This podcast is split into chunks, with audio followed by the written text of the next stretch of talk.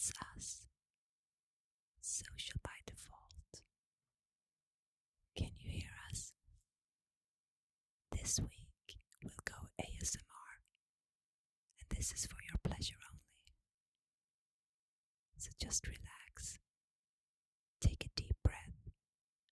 And we will tell you everything about what's happened in social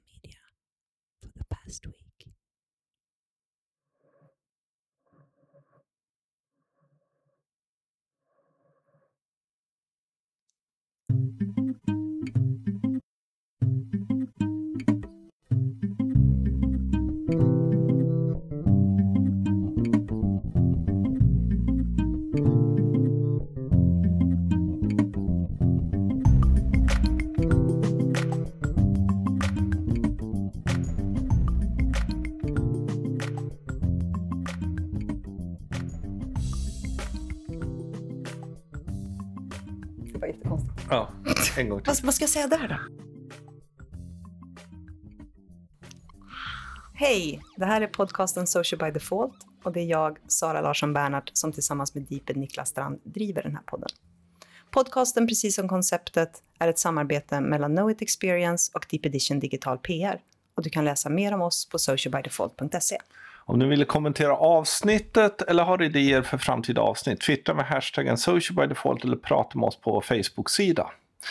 Och självklart vill vi rikta ett extra stort tack till våra patrons som stödjer oss ekonomiskt.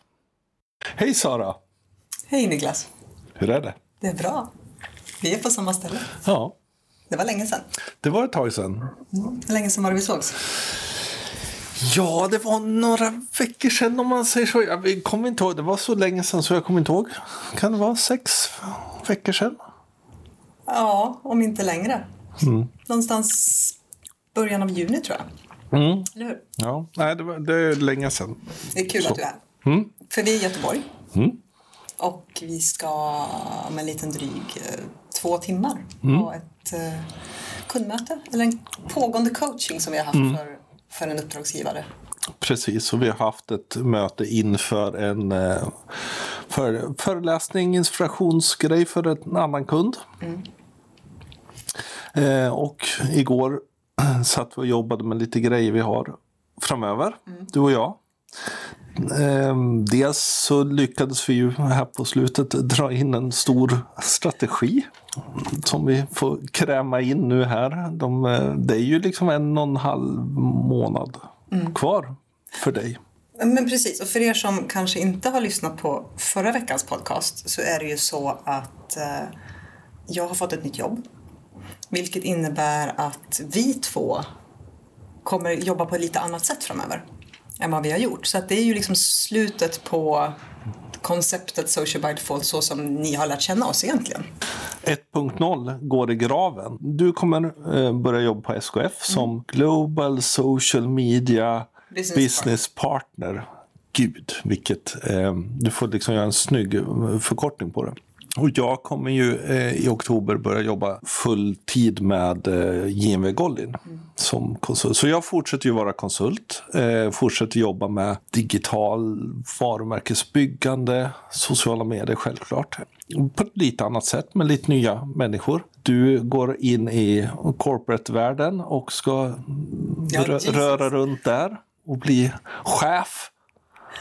Chef vet jag inte, men jag ska förhoppningsvis kunna driva och utveckla deras eh, närvaro Ja. mer strategiskt på heltid. Det är jättekul. Eh, För de som lyssnade förra gången så sa vi ungefär samma sak, men kanske lite mindre. Därför vi har ju spenderat nu, det är ju faktiskt nästan två veckor innan, sen vi gjorde den, och börjat titta på hur, hur ska vi göra framöver och hur kan vi hitta saker och göra tillsammans. Så, det, så nu börjar det kännas liksom verkligen så den börjar landa och vi har planer att det blir ett social by default 2.0 som blir liksom annorlunda. Vi kommer ju fortsätta med podcasten. Det, är ju, det är ju ett löfte till varandra. Ja, precis. Kanske inte varje vecka utan kanske snarare varannan vecka. Mm. Vi får se hur tiden går. Men du, den här början då? Vad, vad var det för någonting? Ja, det kan man ju fråga sig. Jag vet inte riktigt hur, hur brett det egentligen har spridits utanför vissa kretsar men Det som har hänt är att det har blossat upp en trend på nätet. Både i podcastbiten men också ljud och Youtube. Som heter ASMR. Och det är helt enkelt inspelningar av olika ljud som ska sätta igång känslor i kroppen. Det är rätt galet faktiskt. Autonomous Sensory Meridian Response.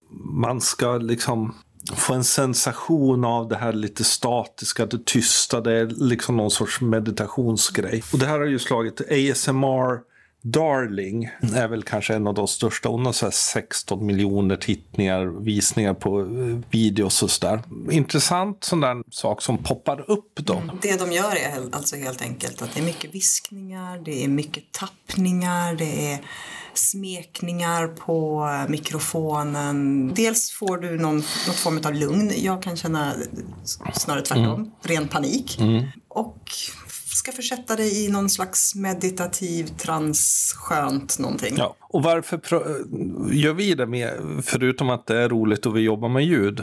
Det handlar ju om att Ikea släppte ju en 25 minuter lång film som då skulle då göra reklam med hjälp av ASMR mm. för några veckor sedan. Mm.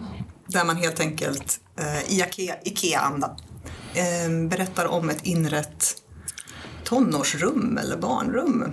Och där man kan då, de, de drar med naglarna på lakanet så att man ska känna hur det låter samtidigt då som de viskar eh, mm. vad det är gjort av och sådär.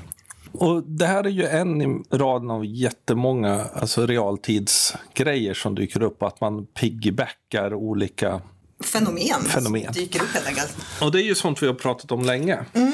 Alltså, realtidsmarknadsföring är ju någonting som, som vi ser som positivt. Vi märker också att fler och fler företag gör det. Men frågan är om, om det har gått lite för, lite för långt. Ja, det, för, det finns ju egentligen två delar av det kanske. Dels att eftersom alla gör det, alla hakar på samma sak så blir det ju till slut svårt att faktiskt göra någonting som är, sticker ut. Mm. Eh, och dels helt enkelt att det blir bara roligt istället för bra. Mm. Det är väl egentligen de två linjer som vi kan se, se idag är, är en uh, utmaning runt det. För om man tittar på utifrån det positiva perspektivet då. Det ger ju ett intryck av att man som företag eh, när det gäller realtidsmarknadsföring har liksom en helt annan typ av omvärldsbevakning än vad man kanske haft tidigare just för att man hakar på saker som dyker upp. Och det började ju egentligen för massa, massa år sedan med Oreos på Super Bowl. Det var ju mm. där någonstans startskottet gick. Mm. Och sen har vi ju sett att kommunikationsavdelningar, sociala medieexperter, eh, de som sitter och jobbar med företagskommunikation, framförallt då i sociala kanaler, har blivit bättre och bättre på att faktiskt fånga upp saker. Mm. Vi var på en frukostföreläsning. Precis med JCDK, eh, där Delicato berättade hur de jobbar med sina, och de har ju haft ett antal som blev har blivit ganska omtalade. Mm. För det är ju liksom det man också vill. Det är ju både att uh, create a smile in your mind men också att få folk att, aha, kolla vad Delicato gjorde. Men om vi går tillbaka till det du sa tidigare då med att om alla gör det, vad mm. händer då? Jag upplevde det i alla fall alldeles nyligen under Pride. Mm. Att nu följer både du och jag väldigt, väldigt många varumärken och företag, framförallt på Instagram. Men var och varannan bild var en uppmaning eller en regnbågsbild eller någonting som har med mm. Pride att göra. Och till slut så kändes det lite urvattnat. Eller man scrollade förbi och man tappade den här, kanske det syftet som man har när man skapar realtidsmarknadsföring eller som i det här fallet då mer kanske syftesdriven marknadsföring. Ja, och i, i det här fallet blir det ju nästan att man märker de som inte gör det. Mm. Vilket ju så att säga, nästan blir liksom motsatt effekt. Att jaha, men vänta, är det någon som inte har en prideflagga liksom? Mm. Så, så där blir det ju just den här faran att alla gör samma saker. Eh, och det helt enkelt syns inte till slut. Men syftesdriven marknadsföring är ju något som hakar i det här ganska ofta. Vi pratade ju syftesdriven marknadsföring i en tidigare podcast som vi spelade in i våras tillsammans med Björn Mellstrand mm. Ni får jättegärna lyssna på den. Uh, Björn hade otroligt många bra insikter och tankar just kring hur kommunikation förändras och varför vi är tvungna att arbeta mm. mycket mer med en syftesdriven marknadsföring.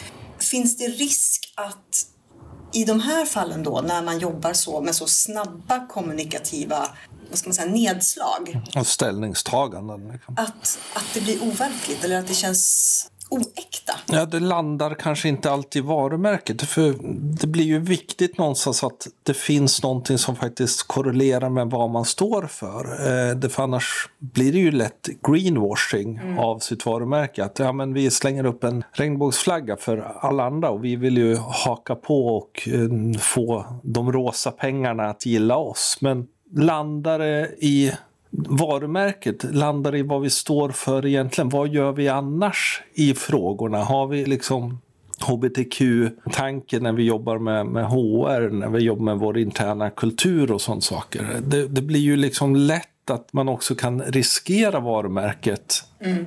en sån här gång. Så egentligen det, det vi säger är ju att man, innan man hoppar på sånt här så behöver man gå tillbaka och titta på liksom sin varumärkesplattform mm. och fundera även om vi jobbar med realtidsmarknadsföring, fundera ändå långsiktigt på vad är det för ställningstaganden vi kan ta. Mm. Och att, att man inte gör det varje gång. För det är ju också sådär, och en gång så äger vi upp en sån sak och nästa gång så stödjer vi det här. Och tre, då, då blir också varumärket väldigt splittrat. Mm.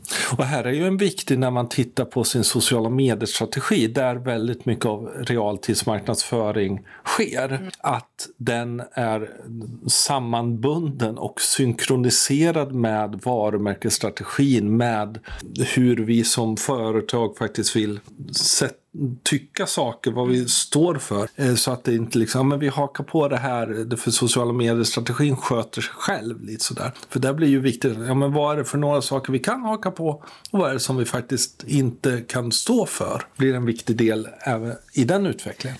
För nu kommer vi ju in i en fas där vi antagligen kommer se väldigt mycket av det här. Vi går in i mm. oktober månad. Mm. Det är bröstcancermånaden. Företag och varumärken har blivit bättre och bättre på att jag ska inte säga kapitalisera, men det är någonstans ändå där känslan har hamnat idag tycker jag. Alltså jag skulle vilja säga, Pride kan jag känna att där finns en kapitalisering som, som ibland kanske går överstyr. Liksom mm. att alla ska vara... Bröstcancermånaden är väl snarare att Bröstcancerföreningen har kapitaliserat väldigt bra på vår vilja att ta ställning. Mm. Eh, det för allt blir ju rosa. Det senaste var att Orkla kommer att eh, göra om namnet på Risifrutti till Risitutti under då den här månaden. Vilket ju är kul så, men det blir ju lite så här, vad har, vad har det med varandra att göra? Mm. Ja, um, jag vet inte. När du och jag började för jobba tillsammans på riktigt för fem år sedan. Mm.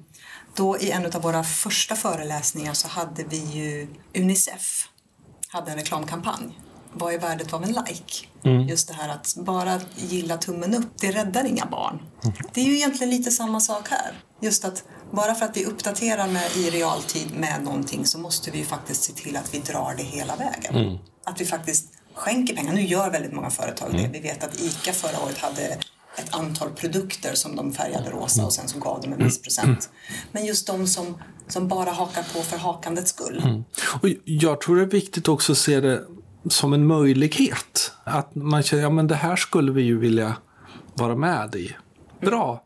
Men gör det liksom så att det verkligen får då genomsyra väldigt mycket av det man gör så att det inte blir sminka grisen i kommunikationen. Nu låter ju vi ganska negativa, eller jag kanske låter mer negativ. Eh, vi har ju ett antal företag som har jobbat väldigt, väldigt, väldigt bra med syftesdriven marknadsföring och som har dragit det mm. hela vägen och håller i det, för det är ju det det handlar om. Dels har vi Pressbyrån mm. som har jobbat länge, som mm. är trovärdiga i det. Men sen har vi ju också en av våra darlings, Like a Girl med Always, mm. som nu släpper sin, jag vet inte vilken i ordningen, film där de återigen då tar upp ett jätteviktigt ämne för unga tjejer i idag. Mm. Och de, de håller ju i idén. Liksom. Sen gör de andra saker som man kan diskutera varför de inte låter det genomsyra ännu mer. Mm. Här blir ju också målgruppstänkandet viktigt. Det de gör på nätet, eller framförallt i de här filmerna, är mot yngre tjejer och sekundärt deras mammor, mm. tror jag man kan säga. Medan den, den mer traditionella OB-reklamen på vad heter tv och så är ju fortfarande ganska ordinär. Men den riktar sig ju mot mammorna primärt. De har ju noterat det och tänker det här ska vi hålla i. Det här ska vi äga som fråga. Eh, och vi ska göra det för att vi tror på det. För det är ju liksom att, att få igen, så det är en spännande del. Var är risken att glitchen kommer då? För vi ser ju hur fler och fler företag faktiskt plockar in sin kommunikation internt istället för att outsourca. Men att man fortfarande har täta samarbeten med reklambyråer som gör då de här kanske större kampanjerna. Finns det en risk att man inte kan hålla i det tillräckligt länge om man byter byrå eller om man inte har liksom varumärkesplattformen och kommunikationsstrategin ordentligt satt? Klart att det finns det och framförallt så finns ju en, en fara i att man framförallt i realtid, men, men också i syfte att haka på saker för att de är roliga eller PK rätt.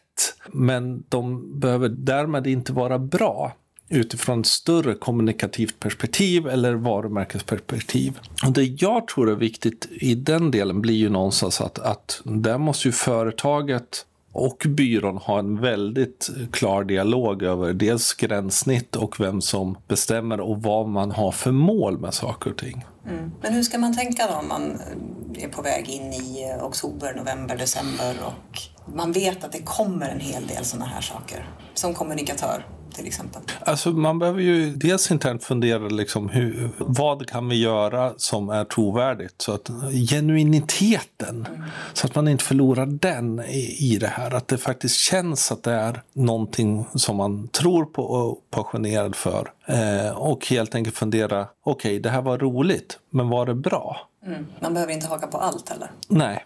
Utan hellre hitta något där som också resonerar med varumärket och den affär man har. För annars blir det ju väldigt mycket små fyrverkerier som poppar upp ett tag men det kanske inte ger så mycket. Mm. En sak som jag tror är helt enkelt viktig när man tar in saker att det internt också finns en ganska stark strategisk resurs som liksom har koll på affären, man har kanaler upp i ledningsgruppen man, man, vet vad man vill och man har en långsiktig syn på varumärket. Mm. För att på så sätt kunna jobba med bra briefer till byråer. Kunna säga nej, skitkul grej, tänk en gång till. Därför det som realtid och syftesdriven handlar om det digitalt. Och hittills har det kanske ibland suttit kommunikationschefer som inte har varit så digitala. Eh, så. Och det tycker jag är lite spännande där du går in nu i din nya roll. Att det här att man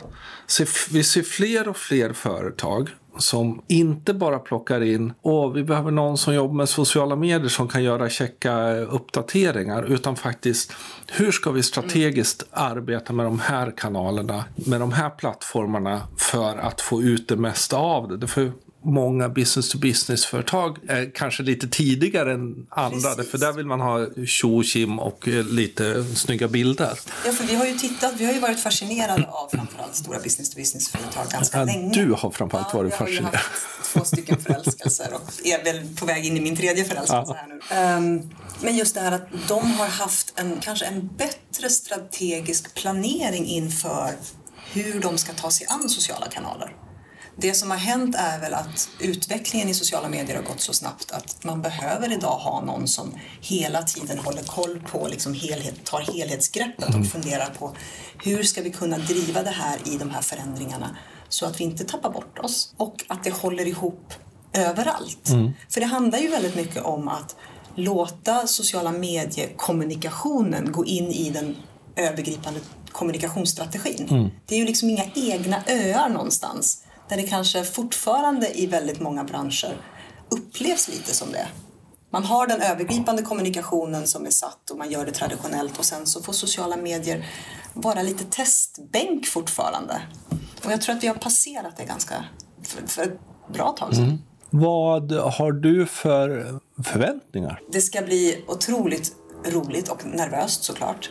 Det jag har för förväntningar är ju att efter att jag har landat och fått en övergripande insyn på egentligen hur kommunikationen globalt funkar och vad de har för utmaningar på de olika marknaderna är någonstans att skapa ett övergripande paraply så att den ser likadan ut i liksom fundamentet. Mm. Men att man sen då ser till att man tweakar det för marknaderna. För mm. vi, har, eh, vi har ju beteendeskillnader i olika marknader men det är fortfarande ett varumärke som kommunicerar. Mm.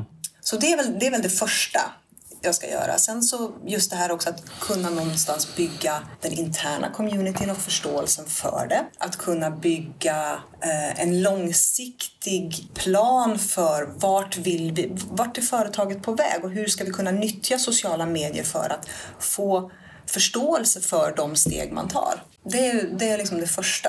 Och jag, jag tror det, det, är viktigt att bygga kulturen. Mm. Tror väl jag också att jag kommer antagligen börja jobba mer gentemot att hjälpa kunder att ta det djupare. Mm. Vad, vad det egentligen har för effekter och vad det har för konsekvenser. Titta långt långs ifrån. Mm. Långsiktigheten. Mm.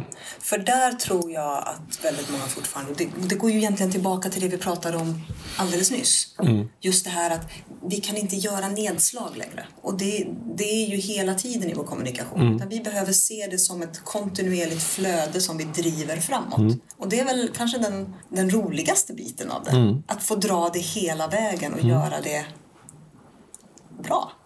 Det tror jag du kommer göra, eller det vet jag att du kommer göra. Vi lär väl helt enkelt prata en hel del om sånt här framöver. Därför en av tankarna vi har. Vi kommer försöka göra lite intervjuer mm. i podcasten sådär, när vi har tid och när vi är någorlunda på samma ställe och så. Eh, men, men framförallt så tror jag att vi kommer nog, på att säga, det kommer bli små terapisamtal också lite då och då om lite större frågor. Mm. Det som jag tycker är det spännande i det hela är ju att om vi har jobbat sida vid sida åt samma håll och med samma saker mm så kommer vi ju idag angripa det utifrån två olika perspektiv. Mm. Du utifrån ett liksom varumärkes branding, kommunikation, digital PR-perspektiv. Och jag ifrån liksom storbolag, business to business, traditionellt men ändå att ta de här kliven in mm. i eh, digitaliseringen. Mm. Jag är fortfarande konsult mm. med allt vad det innebär. Men du som köpare och någonstans kommer se den sidan. Eh, så det tror jag vi kommer komma tillbaka till en del. Det tror jag fin, fin, finns ganska mycket saker att förbättra från båda sidor. Just när det gäller sociala medier, just när det gäller just att, att jobba med strategiskt med ett always on-tänkande. Med vardagen som faktiskt spelplats. För, för vår, vår målsättning är ju att hela tiden prata om det och titta på det utifrån ett sociala medieperspektiv. Mm. Oavsett vilken, vilken vinkel vi tar eller vilken vinkel vi mm. personligen det kommer bli kul. Mm. Avslutningsvis, är det några uh, saker som, som har hänt som är liksom... Ja, alltså det händer ju saker hela tiden. Ja, det, det är vi ju no shit Sherlock. Någonting som är lite intressant. Jag vet inte om jag är sådär superpositiv till det. Nej. Det är ju det här med LinkedIn som idag då adderar funktioner som visar när användare är aktiva. Delvis har vi ju det när det gäller ens vänner på, på Facebook och Messenger. Här kan jag ju se när folk ja. var online senast och sådär. Hur långt integritetsmässigt kan vi ta det? Nu har vi gjort det i det personliga på Facebook. Ska vi göra det även i det professionella? Dels så tycker jag ju det, det är lite knepigt och samtidigt intressant att verkligen LinkedIn kopiera Facebook så otroligt mycket mm. i allt. Trots att det är ju skillnad på när man använder det. Och just när det gäller professionellt blir det ju intressant att just att ha den här lilla, nu är Sara online på LinkedIn. Liksom. Det, ska hon inte jobba med något annat? Liksom. Sitter hon här och, och, och kan ju en chef mm. egentligen. Om han är online då? Om han är online. Men, men jag menar, han kan ju säga att det är mitt jobb att vara. Liksom. Eller HR kan se att liksom, någon är online och så. Så, så det är klart att det, det, det är ju en, en, ytterligare fråga och en konsekvens mm. att fundera över. Nu kommer man ju kunna stänga av det. Ja. Om man vill. Ja. Så att det är ju inte så att uh, det blir någonting som, inte, som alla måste vara med på. De flesta av de funktioner på sociala medier som kan vara integritetskränkande är på by default. Ja. Det vet vi alla, att hur ofta orkar man faktiskt gå igenom sina inställningar och tänka till. Liksom. Och de är oftast dåligt översatta så man knappt förstår vad de betyder. Vilket innebär att jag menar, 90% kommer jag ha det på. Mm. Det är lite, kommer du ihåg, nu blir jag så lite nostalgisk, kommer du ihåg när tickern på Facebook fanns? Ja. Då var man ju väldigt eh, medveten om precis vad ens vänner gjorde och hela tiden hände. Jag gillade den. Vi går ju ändå mot, eh, hela tiden mot att vi vet mer när någon är online, vi vet mer vad folk gör. Vi, vet, alltså, vi går ju inte ifrån det utan mot mycket mer därför att man kan. Och det är ju klart att ja, men, vi, vi hamnar ju snart i en gräns där om vi förut inte har brytt oss så mycket eller bytt plattformar så till slut kommer det ju ändå finna att man känner nej, nu räcker det. Och då kommer de plattformar som bestämmer sig mer för att jobba med hög integritet mm. åtminstone ha en chans. Eller så kommer till exempel Facebook vända, vända på en femöring och helt enkelt börja eh, stänga, stänga, stänga av saker. Ja, det är onekligen en, en ganska spännande fråga och mm. intressant utveckling. När det gäller dig och mig mm. så är vi online hela tiden, så där behöver ni inte fundera. en, en annan sak som jag vet du och jag åtminstone initialt inte var helt överens om, det, var, det är ju att Instagram börjar med trådade kommentarstrådar. Mm. Ibland är det ju svårt att se vad folk svarar på så ja, mm. jag, kan, jag kan gilla att, att det blir Facebook 2 igen då. Samtidigt som det är väl mest att jag kanske tycker ogillar förändring. Jag tycker att Instagram börjar bli för mycket Facebook. Mm. Och så är det ju. Eh, dels har vi sett nu eh, nya siffror där då en undersökning ska vi notera eh, ha, som, gentemot unga som visar mer att Facebook har tappat väldigt, väldigt mycket bland unga i co coolness. Mm. Liksom, vilket jag inte tycker är konstigt. Och jag, liksom att dra för stora grejer på det. Det är klart att det inte är cool. Mjölk är inte heller speciellt cool, men vi dricker det varje dag som vi också ser då att ja, men då Instagram ökar och framförallt en del stora konton har väldigt mycket kommentarer och du inte kan följa dem så blir ju samtalet meningslöst. Mm. Men Instagram har ju inte varit så mycket samtal. Instagram bygger ju egentligen på snabba bilder, snabba filmer. Ganska lättsmält egentligen medan Facebook har fått ta den här lite tyngre med mer dialog, mer kommunikation. Det jag är orolig för är ju att folk går ju ifrån Facebook kanske vardagligen till att mer uppdatera sig på, på Instagram. Om de blir för lika, finns det risk att Instagram blir för komplicerat? Mm. Och att det blir för mycket för många konstiga funktioner. För nu vet vi också att de funderar på att man ska kunna lägga in sina vänner i olika grupper och visa att ja, men den här uppdateringen får bara de här se och den här mm. uppdateringen får... Det börjar, alltså det här enkla. De har snott någonting från Google+. Plus. Jag, jag håller med dig och så. Samtidigt så, som ibland när man tittar på eh, influencerskonton och vi har haft ett gäng. Jag menar, de senaste årens stora dramor sociala mediedramer har ju till stor del handlat om Instagram. Mm. Där det har varit liksom tusen kommentarer sen. Mm. Och det, det, är ju omöjligt att följa, följa diskussioner där. Därför ser man någon som skriver och så vill man se någon som har svarat. Ja, men då ligger, ligger ju allting eh, kronologiskt. Vilket innebär att man får... Så jag tror, jag tror det är nödvändigt framförallt i de, just för de större kontona. Mm. Eh, och sen finns det ju ett perspektiv till. Ju mer vi är vana vid att skapa dialog, för det blir ju lättare att föra dialog då också på mm. Instagram, desto mer vaksamma behöver företagen vara för att börja krishantera på Instagram också. För företag så blir ju Instagram framöver viktigt att, att ha, ett DM, ha koll på sina DM och liknande. Har du funderat på, just utifrån ett business-to-business-perspektiv, var, var landar man ett Instagram-konto? Jag tror att man behöver fundera på vad man vill få ut av Instagramkontot. Jag menar, vi har ju följt Maersk, vi följer General Electric, vi följer en massa andra företag. Jag tror att man behöver gå tillbaka och fundera på vad är det vi vill bygga? Som i Maersks perspektiv då, då är det ju fartygsporr. Mm. Det är ju dels för de som arbetar med eller har relationer till, till varumärket, men också de som älskar att titta på stora containerfartyg. Och då är det helt okej. Okay. Men sen finns det också en fundering på, ska vi använda Instagramkontot för att bygga intern stolthet? Att det faktiskt egentligen är till för de som arbetar. Framför allt om man kanske har ett globalt ganska stort företag. Att man jobbar med liksom employer branding, intern stolthet, berättelser från vardagen. Då får man ju en annan typ av följare. Mm. Ibland kanske man behöver två konton.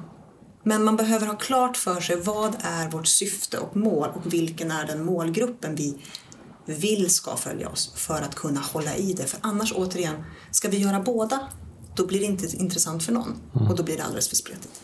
Väldigt mycket också sen när det gäller försäljning och, och så, social selling för business to business så är det ju lead-generering och där är ju Instagram svårt. Du säljer ju inga turbiner. Nej, det, men framförallt så har du ju också svårt, för mycket av lead-generering handlar om att få in en, en mailadress om vi ska vara lite krassa. Men det var väl det vi hade nu, Ja. den här eh, vackra torsdagen i Göteborg. Så tack för oss. Vi lägger precis som jag har nämnt och som vi alltid gör länkar i show notes och de hittar ni på podcast.socialbydefault.se. Prenumerera gärna på vår podcast och framförallt nu när vi kanske kommer släppa lite Lite mer sällan. oregerligt. Precis.